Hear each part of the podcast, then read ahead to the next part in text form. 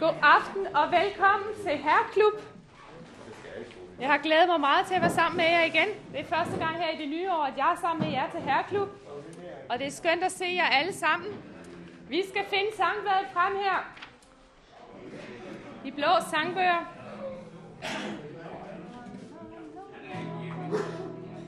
Når i dette navn vi bøjer,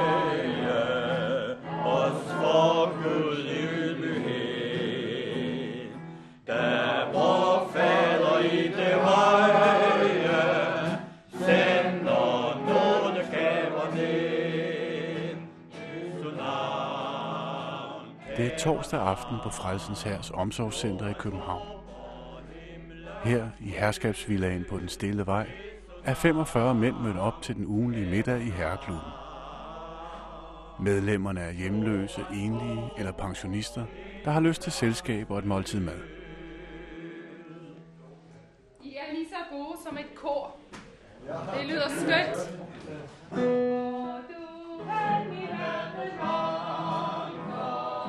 Mange af medlemmerne af herreklubben kommer også på omsorgscentret i dagtimerne, hvor der er varmestue. Her kan man også komme og få samtaler om psykiske og sociale problemer, og alle er velkomne.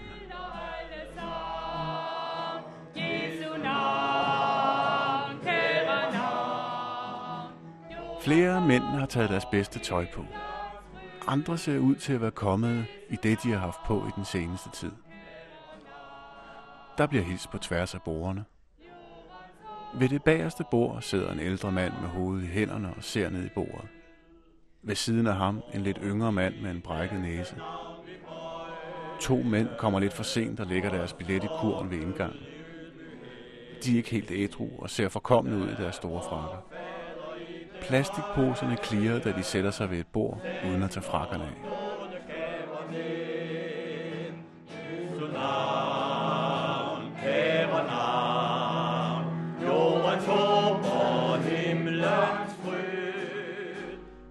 Kælderen dufter der af mad, som den svenske kok har brugt det meste af dagen på at tilberede. Han begyndte i huset som frivillig, men er nu blevet ansat til at besøge enlige og svage ældre, og så selvfølgelig at lave maden til herreklubben. Hvad, hvad, hvad er menuen i dag? I dag er det øh, kalvehalssuppe.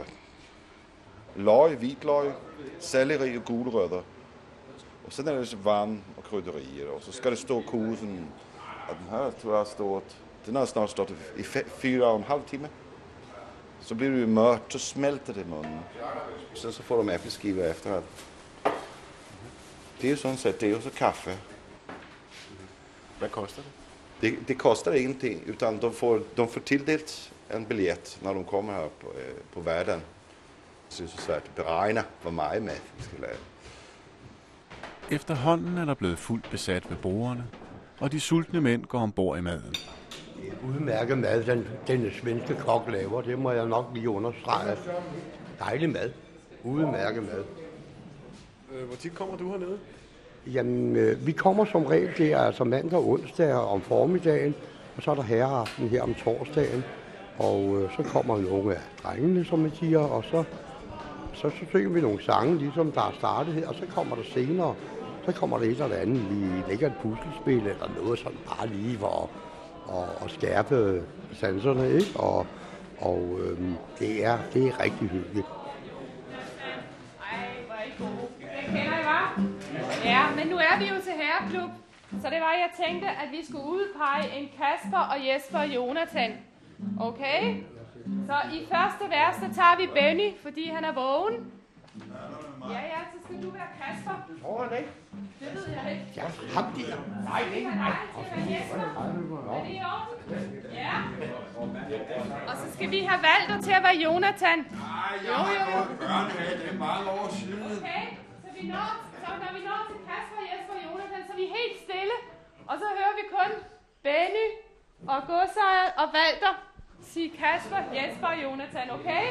Har I forstået det? Vi prøver. Vi lister os afsted på tog, når vi går ud og røver. Vi røver bare det, vi må, og det, vi nu behøver. Nu ligger mørket over land i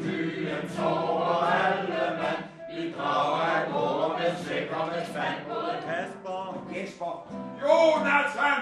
Rigtig godt. Alle deres. Hos byens spæder når Benny ikke er røveren Jesper fra Kardemommeby, er han ansat i Frelsens Hær. I mange år har han prædiket og fortalt om sin kristne tro. Og også i herreklubben sørger han for den åndelige føde. Jeg er med i, i, i herreklubben og deltager der og siger nogle ting og er med til at synge og spille og hjælpe lidt til. Og jeg er blandt dem, som prædiker Guds ord.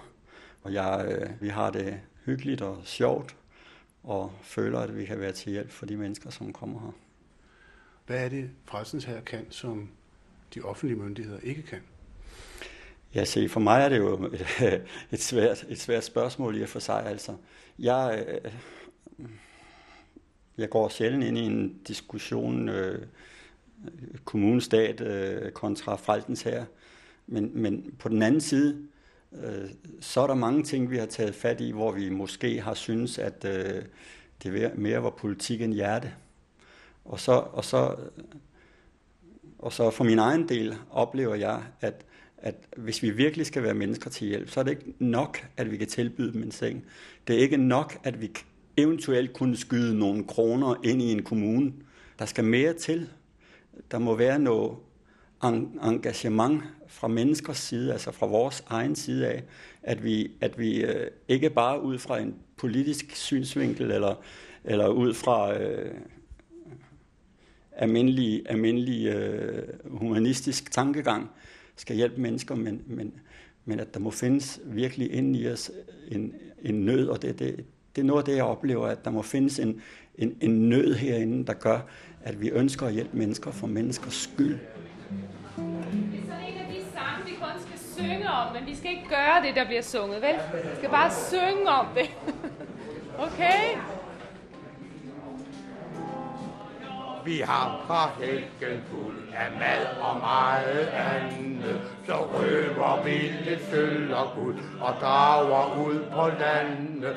Der tømmer vi den fyldte stald og gør den gode mad i stald. Men ellers så gør vi sådan ikke som en gal. Mod Kasper! Der var lige ved at glemme den. Det var lige ved at glemme den.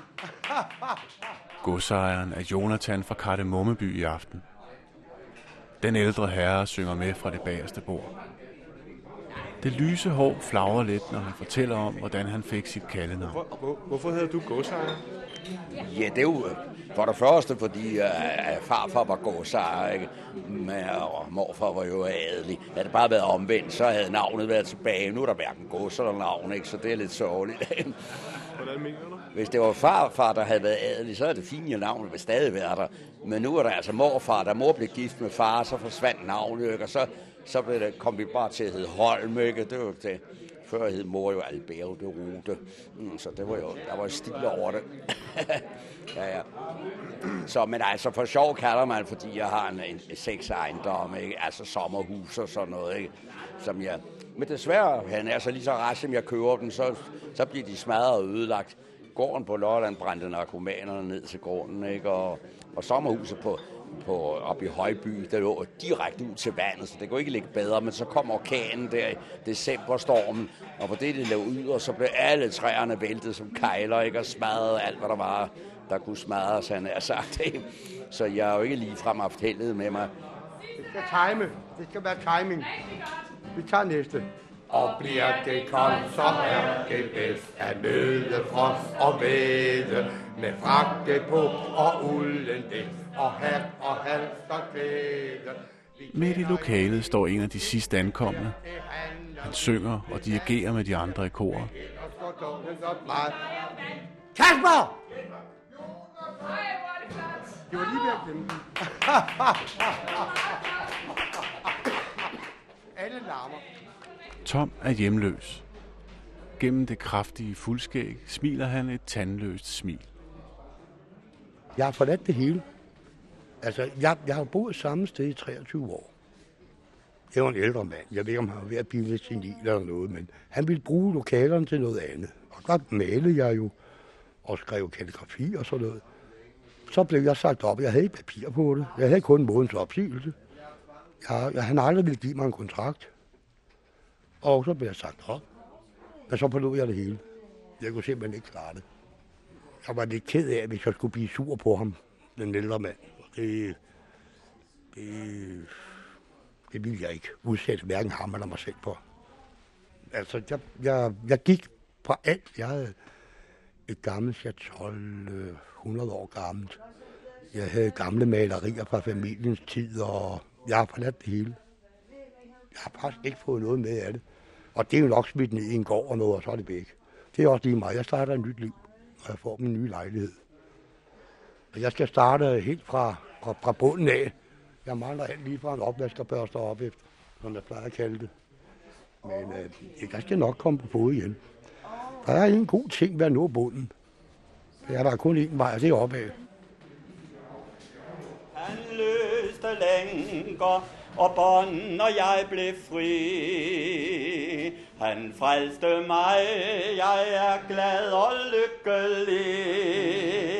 Han drog mig fra det dybe døn og satte mig på højre grund. Han løste lænker og bånd, og jeg blev fri. Amen. Tak skal du have, Benny.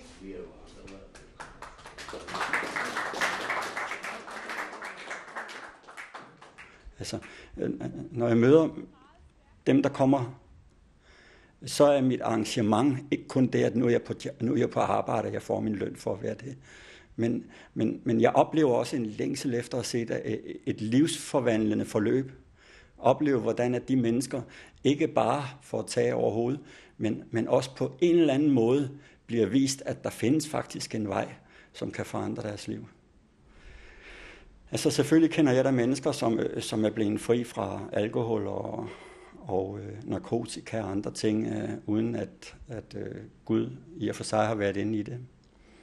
Men, øh, men øh, jeg har desværre også oplevet, hvordan at de var blevet fri fra de der ting, men den der fred, øh, som var nødvendig for, at de kunne bevares i friheden, den der fred ligesom ikke eksisterede. Det har ikke noget med restaurering af ens tilværelse at gøre. Det har noget med at gøre, at man kan blive født på ny. Jeg er altid glad for at komme til steder, hvor, hvor, hvor kristendommen bliver prædiket. Ikke? Og jeg er kommet i kirke, for jeg var tre år, så det er jo ikke noget nyt for mig. og nu bliver jeg altså 81 her om en måned, ikke? Så, så jeg har jo kommet temmelig længe i kirke. Så, Hvad, hvad har du lavet? ja, jeg, jeg er jo jurist, altså, men, men jeg har siddet som auktionsleder hele mit liv, fordi vi havde landets ældste auktionsfirma. Og det var utrolig spændende. Jeg må indrømme, jeg er sikkert landets dårligste jurist, for det interesserer mig overhovedet ikke. Men jeg vidste jo, at det skulle lige til, ikke? Og, og så kom man ind i firmaet, og det var så spændende. Hvad var det for et auktionshus? Ja, vi havde landets ældste auktionsfirma, de Heske Auktioner, i Niels oprindeligt i Niels Juelsgade, senere i Bredgade. Og det var grundlagt øh, lige efter treårskrigen, altså i, så det er jo en gammel sag i 1850'erne, ikke? Så der har jeg siddet hele mit liv og svunget hammeren, han har sagt. Det. Så, ja, ja. Ja, det er Hvad også det, jeg hele mit liv. Han har også fortalt, at han har 5 millioner. Nej, det har jeg aldrig fortalt. Det, det har han sgu da. Han bor ude på Søbakken, ude i skoven. Øh, Grunden er vurderet til det. Det kan jeg desværre ikke gøre for. Ikke? Jeg vil hellere have, at den var vurderet til ingenting. For jeg er født i det hus, og har boet hele mit liv, og familien før mig. Så jo mere det stiger, jo værre for mig. Ikke? Jeg er kun interesseret i, at det, det skal være værdiløst, han er så, for så havde jeg dog en chance for at overleve. Men nu må jeg nok hellere se, men det er, som du siger, vi skal komme for os lige at spise lidt.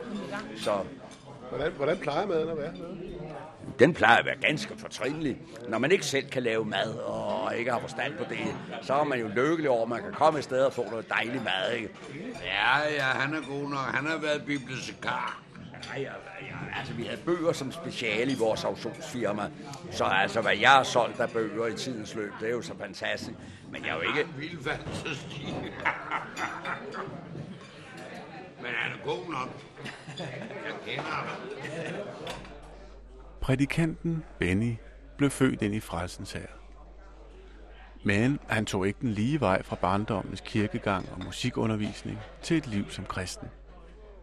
jeg blev faktisk kørt hen i Frelsens her i øh, klapvogn og barnevogn, og, og jeg, jeg, jeg var med i Frelsens. Jeg blev juniorsoldat, og da jeg blev 14, blev overført til stamkorpset, som man siger, voksenkorpset.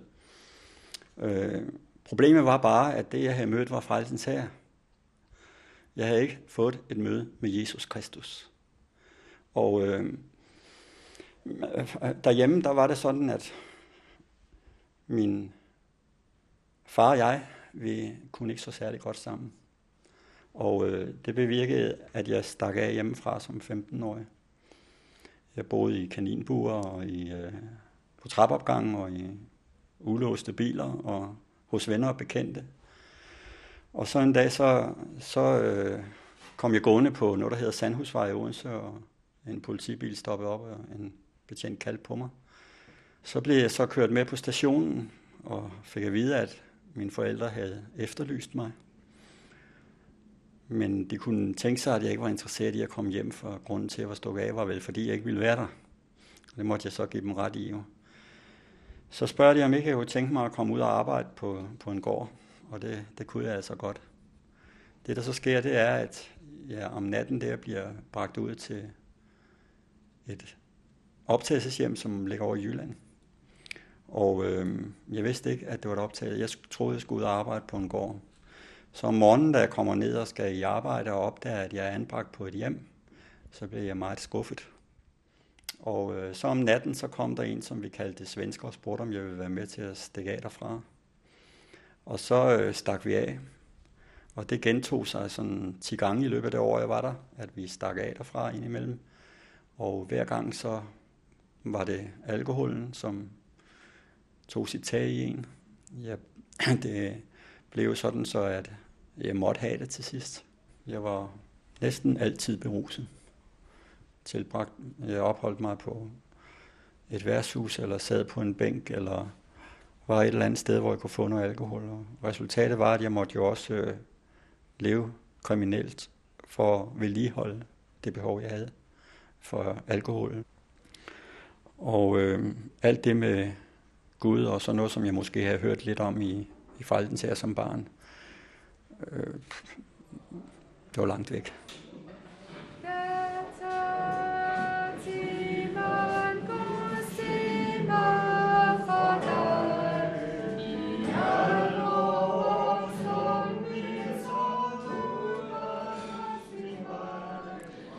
Jeg er jo det, man kalder kongotop.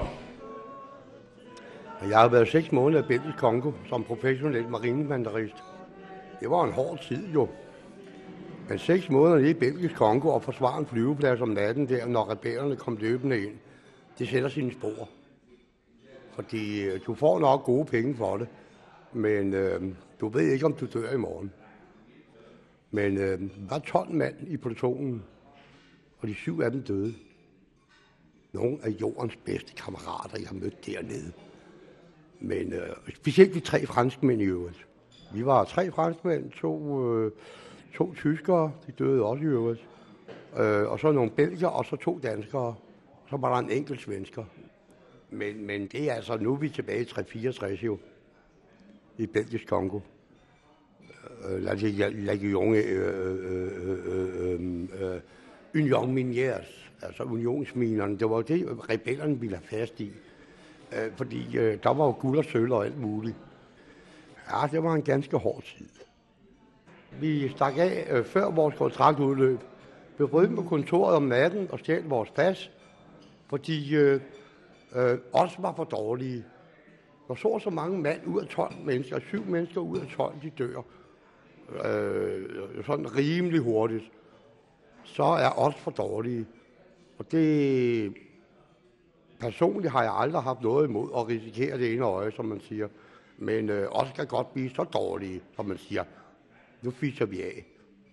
De skylder mig i øvrigt en månedsløn dernede, men lad nu det være. ja, ja. På Goddag, du.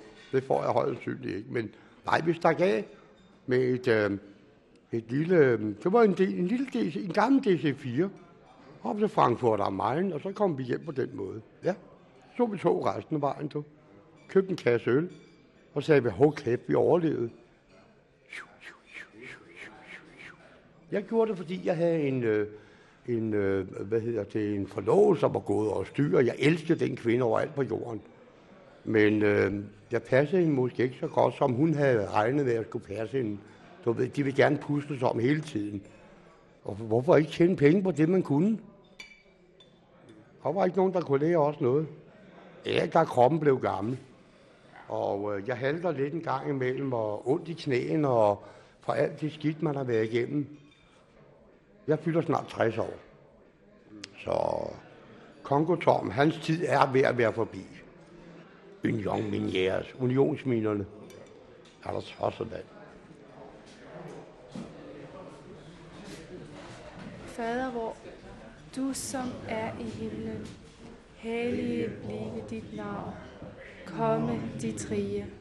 Ske din vilje som i himlen, således også på jorden. Giv os i dag vores daglige brød, og forlad os vores skyld, som vi også forlader vores synder. Led os ikke i fristelse, men fri os fra det onde. For dit er rige, og magten og æren i evighed. Amen. Prædikanten Benny lærte sit fadervor i det hjem, han stak af fra som ung. Han stjal biler og begik indbrud for at skaffe til sit voksende alkoholmisbrug og røg senere ind og ud af ungdomsfængsel. Så der har været ud anden gang fra ungdomsfængslet der, så bryder jeg ind i en, en, en villa i, øh, i Odense og er dybt deprimeret.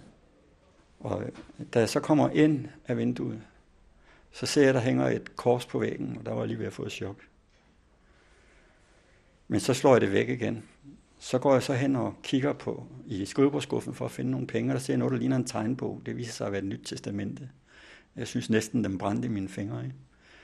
Så gik jeg hen og fandt et jakkesæt, og tog det på at skulle se i spejlet foran, hvordan, er, hvordan det sad. Så opdagede jeg, at der var et kors på reverset. Så var jeg ved at få et chok. Øhm, jeg følte det næsten som om Gud han efterjagede mig. Og øh, så, så tager jeg så til København, og der lever jeg så et nedslået, deprimeret og elendigt liv. Jeg er ikke min levende råd. Øh, jeg gik ud på, på Amager Strand for at drukne mig, men så var det for koldt. Så jeg gik ind igen. Og så tøg jeg til flasken i stedet for, og drak mig fra sans og samling. Og øh, så blev jeg så anholdt for det. Jeg var faldet i søvn i en, en, en villahave brudt ind i ude i Brøndshøj. Der vågnede jeg om morgenen ved politiet stod der og kaldte på mig. Så kom jeg så med på stationen. Og så efter nogle tid, så midt i alle mine depressioner og elendighed, så blev jeg så overført til Græsforheden.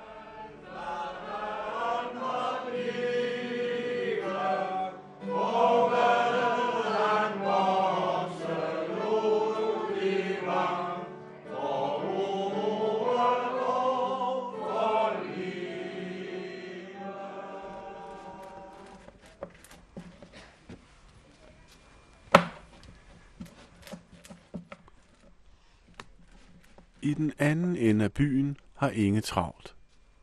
Hun smører mader til nattens gæster på nødherberget Den Kolde Næse. Her har hun arbejdet siden herberget åbnede i november, da nattekunden satte ind. Hvor mange skal du smøre? Ja, smør op til 18. Fordi så er der i hvert fald, når de kommer ind. Her forleden, der, i løbet af 10 minutter, så havde vi 24 mennesker herinde. Så er, det jo lige for, så er der god brug for maden, ikke? Det går stærkt i hvert fald.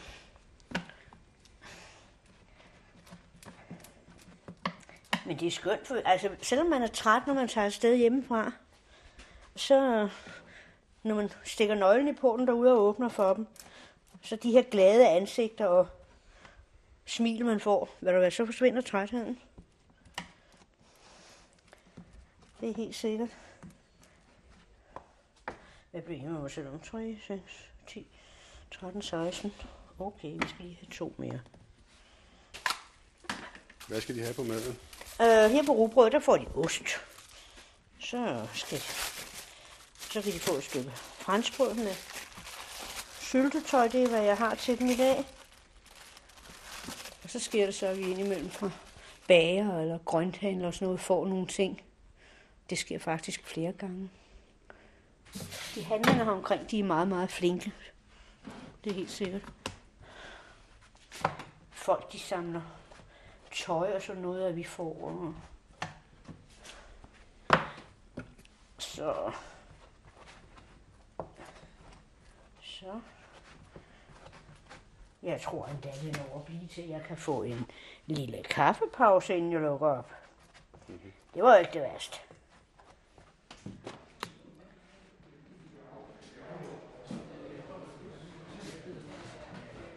Du skal jo helst komme til tiden. Og så den plads, du har øh, etableret dig, der smider du så en trøje, eller en bog, eller en pose, eller noget på den seng. Fordi så ved ingen, at der er optaget. Men det kræver selvfølgelig, at du kommer. Men altså, du sover på dit faste sted. Og så længe du, du øh, altså kommer så... Vi plejer at sige, at inden kl. 10, der skal du gerne dukke op.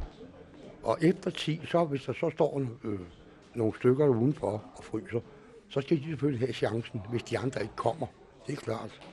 Og øh, fuldt besat, det er sådan cirka 20 mennesker. Og så hænger Inge et, et skilt uden på døren, hvor der står, hvor der står optaget. Så er der altså ikke mere at gøre. Det kører udmærket på den måde. Og så er der altså, restriktioner naturligvis. Altså, du må ikke tage piller eller sprøjter, og du må ikke drikke øl. Hvis du vil have en øl, så kan du gå ud på døren, så må du gerne drikke den. Og det, det må man så efterleve. Der kan være en måske, der er på ansatbus eller noget, og så tager det jo ikke, så er det jo ikke smart at sidde måske og vise en øl frem eller sådan noget eller andet. Altså, det, det, det er en god regel, synes jeg.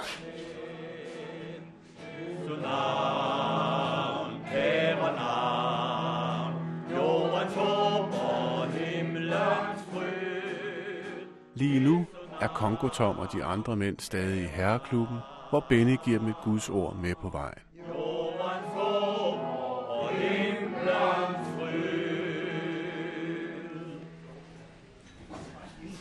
Det er en herlig sang at synge om, hvad vi tror på. Men det, der er endnu mere herligt, det er at have et liv, hvor vi oplever, at Jesus Kristus, han er en virkelighed og en realitet i vores liv. Og det er, hvad jeg har oplevet, og det er det, som jeg ønsker at fortælle mennesker om, at Jesus Kristus, han ikke er død. Han døde, men han opstod igen på den tredje dag, og han lever i dag. Det er sådan, at Bibelen den fortæller os, at han døde for vores synd, og han opstod for vores retfærdigheds skyld. Jeg har selv oplevet, hvordan Gud greb ind i mit liv, hvordan han på et øjeblik forvandlede det.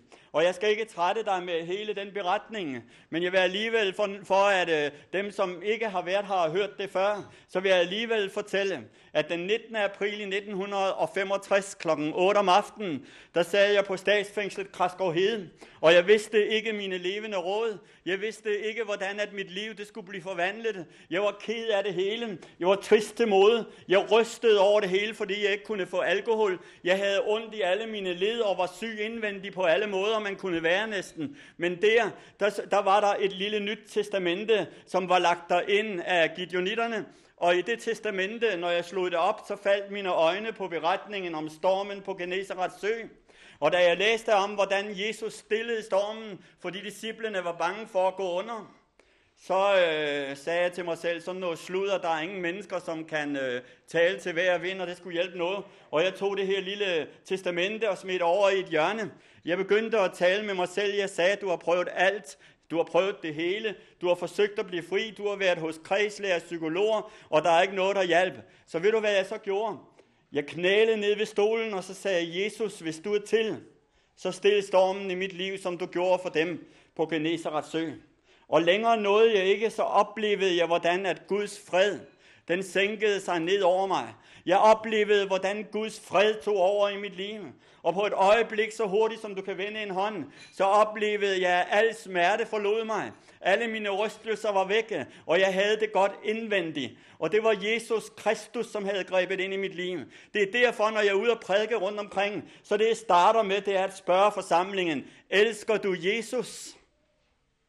Og den respons, som så kommer, fortæller lidt om, hvor de er i det sammenhæng. Jeg kan ikke lade være at elske Jesus, for han har gjort så uendelig meget for mig.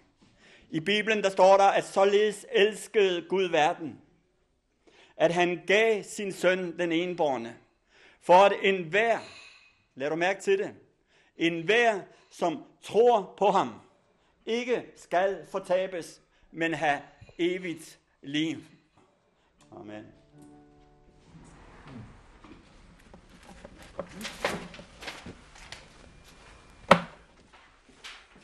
Hvis ikke de får deres egen seng, så er de ikke nemme at danse med. Her der har vi, det er en, der hedder Walter, der har den. Og Paul Erik, Egil. Og der, der har vi jo vores kongotom. Det er hans plads. Så de andre, det er sådan lidt op og ned. Så herude, der har vi øh, vores brusekabiner, vi har fået lavet. Så de kan tage bad, hvis de skulle synes, de har lyst til det. Hvordan, hvordan går det med det? Nogle af dem tager bad oftere end andre. Ellers så puffer vi til dem sådan i al venskabelighed for at fortælle dem, at nu er det ved at være på tide. Klokken 9 skal Inge ud og åbne portene for Kongo Tom og de andre hjemløse. Aftens program i Herreklubben er næsten forbi. Men først udveksler mændene gode råd og historier, inden de skal videre ud i natten. Hvis jeg lige må indskyde en ting, øh, er øh, en bænk og en, og en rest, der er sat op på to flade mursten. Så sætter du fire af fem øh, fyrfadslys ind under. Tænder dem selvfølgelig, det er klart. Så sætter en dåse, lukker en dåse op med, med forloren skildpadde eller et eller andet, hvad det nu kan være. Og det tager tre kvarter, så er den brandvarm. Så er du varm mad. Ja. Er klar over, at jeg er tosset i hovedet, da jeg 70 år? Jeg har også haft taxaer. Når jeg siger til dig, at jeg har været... to- Ja, det er Werner. Han er god nok. Kender dem altså. Jeg regner med, at når nu vi har fået en ny regering, ja, ham der, bundekallen op for Brogst, ikke?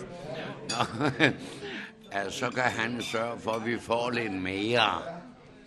For det fortjener vi. Jeg siger, en godnatbar skal vi have råd til. Før vi, ja, naturellement, som franskmændene siger, naturellement.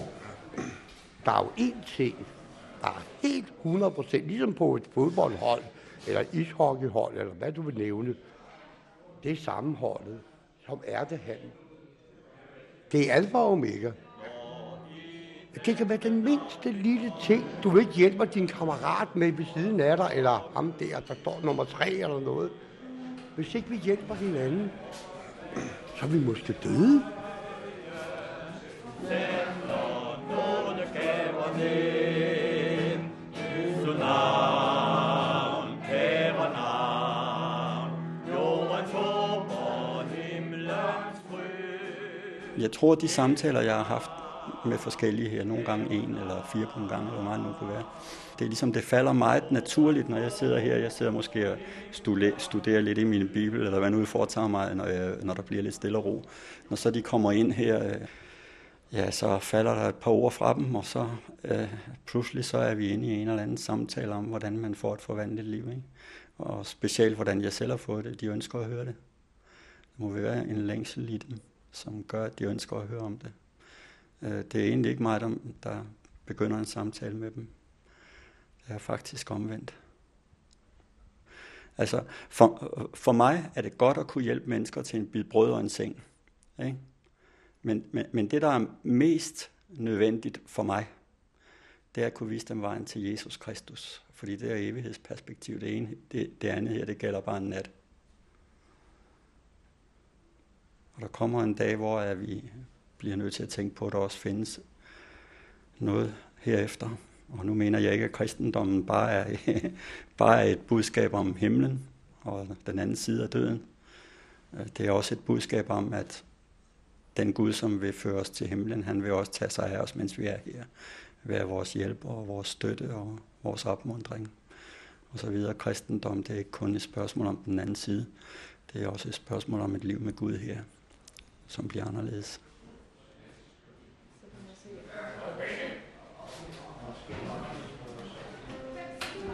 Hvor skal I hen nu? Skal vi se Amager nu? Ude på herberget derude.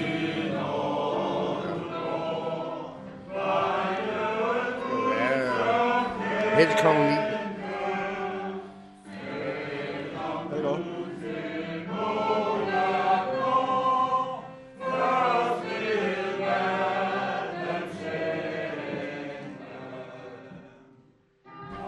Men jeg sover med alt tøjet på. Det gør jeg.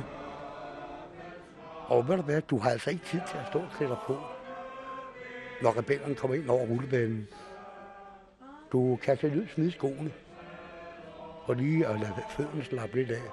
Men du kan ikke... Øh, vi, vi sover altid med tøjet på. Og vores kalasnikov, ligesom de bruger i dag, nede i, dernede i Afghanistan, hvor det er. Altså, det er udmærket gevær i.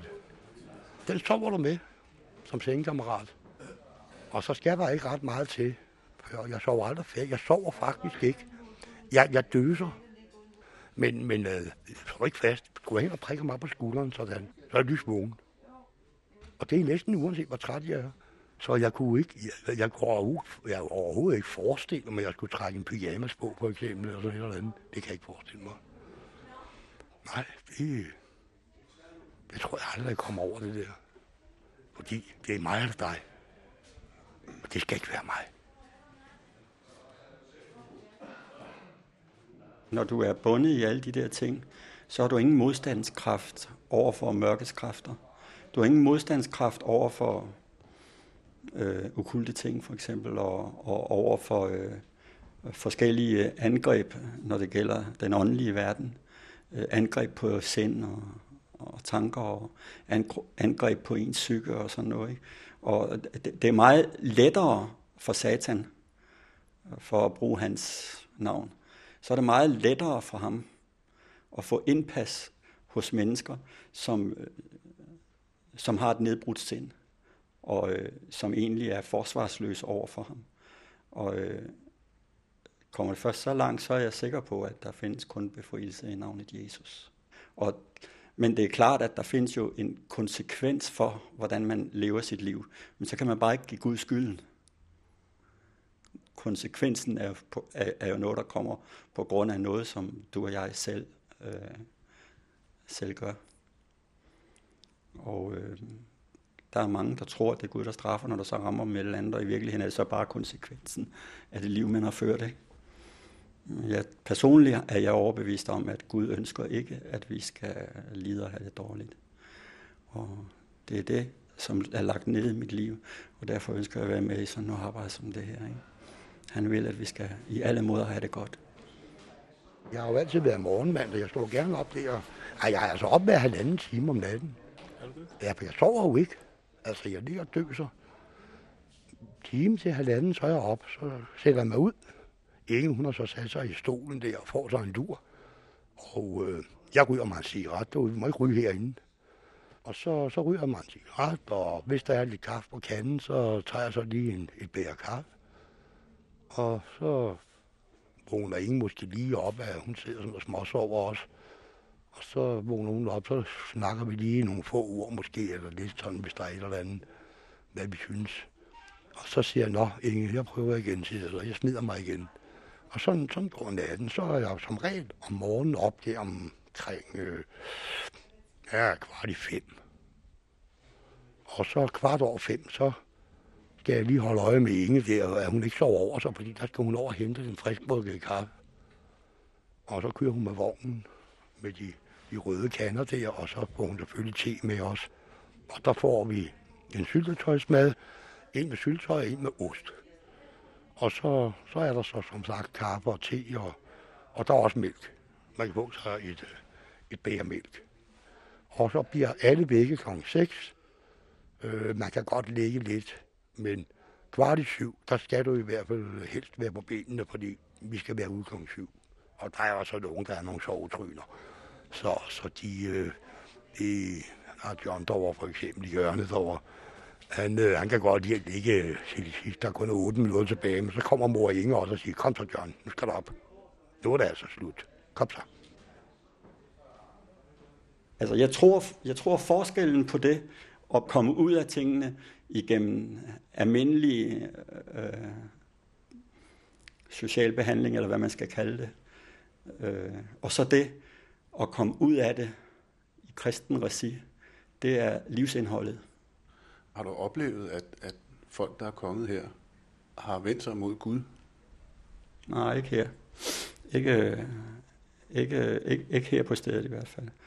Jeg har oplevet det at se. Jeg har bedt med mennesker til frelse og sådan noget på forskellige pladser rundt om. Men øh, jeg har ikke oplevet det her, men jeg har haft mange gode samtaler. Og hvem ved, hvad det kan føre til.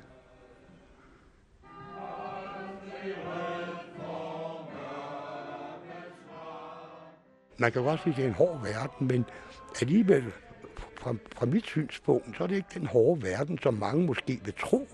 Det sker, der kommer ind med en brænder på, men så siger mor Inge, ind og sov. Vi har det smadret hyggeligt. Jeg har faktisk lært et par gode kammerater at kende, det er folk, som jeg tør betro. Det er min tegnbog, og indholdet, det er der også i morgen. Det er jo meget værd. Blandt øh, er de løse fugle, hvis man bruger det udtryk, ikke?